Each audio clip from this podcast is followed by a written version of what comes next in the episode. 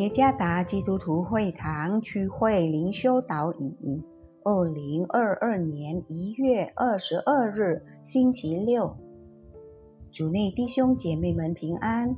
今天的灵修导引，我们要借着圣经诗篇一百一十一篇来思想今天的主题，是应该的。作者蔡国闪传道。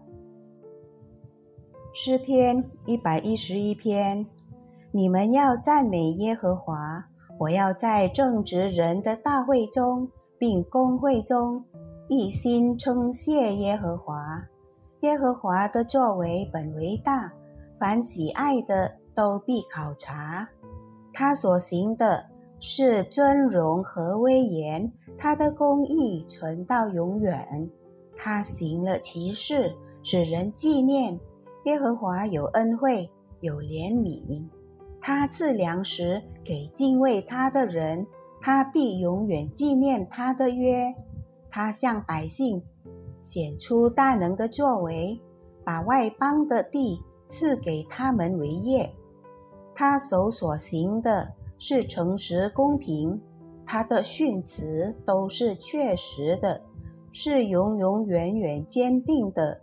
是按诚实正直设立的，他向百姓施行救赎，命定他的约，直到永远。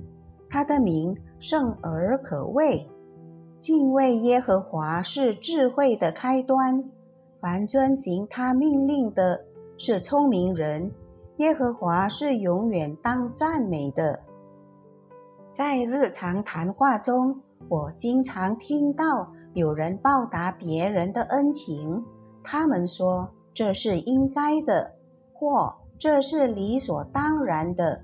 这是一种非常普遍的文化，不仅在东方习俗中，而是对世上所有人来说都是理所当然的。即使那是已经成为例行公事，例如，当我们。给帮助保持环境安全的保安员小费时，我认为这是理所当然的。尤其是当我们被给予不配接受更大的牺牲时，那么这种态度就会变得更加自然了，甚至。能够报答某人所做出伟大而宝贵牺牲的恩情是一种荣幸，比如为我们牺牲金钱、时间，甚至生命安全的人。的确，我们不配得到那份恩情，所以我们报答他的恩情是应该的。实际上，有时我们的回报。未定与我们领受的恩情相称。在今天的灵修中，诗人纪念并意识到上帝是何等伟大和荣耀，是完成了所有工作的上帝，彰显他慈爱的上帝，施行恩慈、公平、信实的上帝，向他子民立约。纪念和宣告他的应许，直到永远的上帝。第一到第九节，以色列民经历了这一切，在旷野中，上帝带领他们，上帝为他们预备粮食。第五节，上帝将以色列民从埃及和其他国家的奴役中释放出来。第九节。为结束这首赞美诗，诗人陈述了一个有智慧的上帝子民应该做的事：他们必须敬畏上帝，必须过着考察上帝的生活，以便认识他，并永远赞美他。第二节，以色列民将无法报答上帝的恩慈，只能透过永远赞美。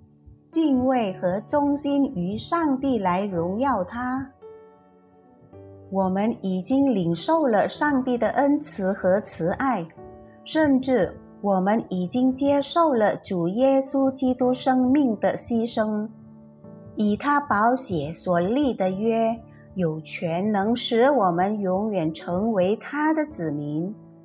我们永远无法报答上帝的恩慈，我们只能做我们所应该做的事，就是永远过着敬畏上帝的生活，尽心尽意的认识和赞美他。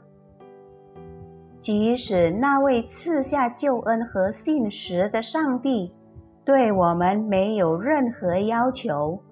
但我们赞美和荣耀他是应该的。主耶稣赐福。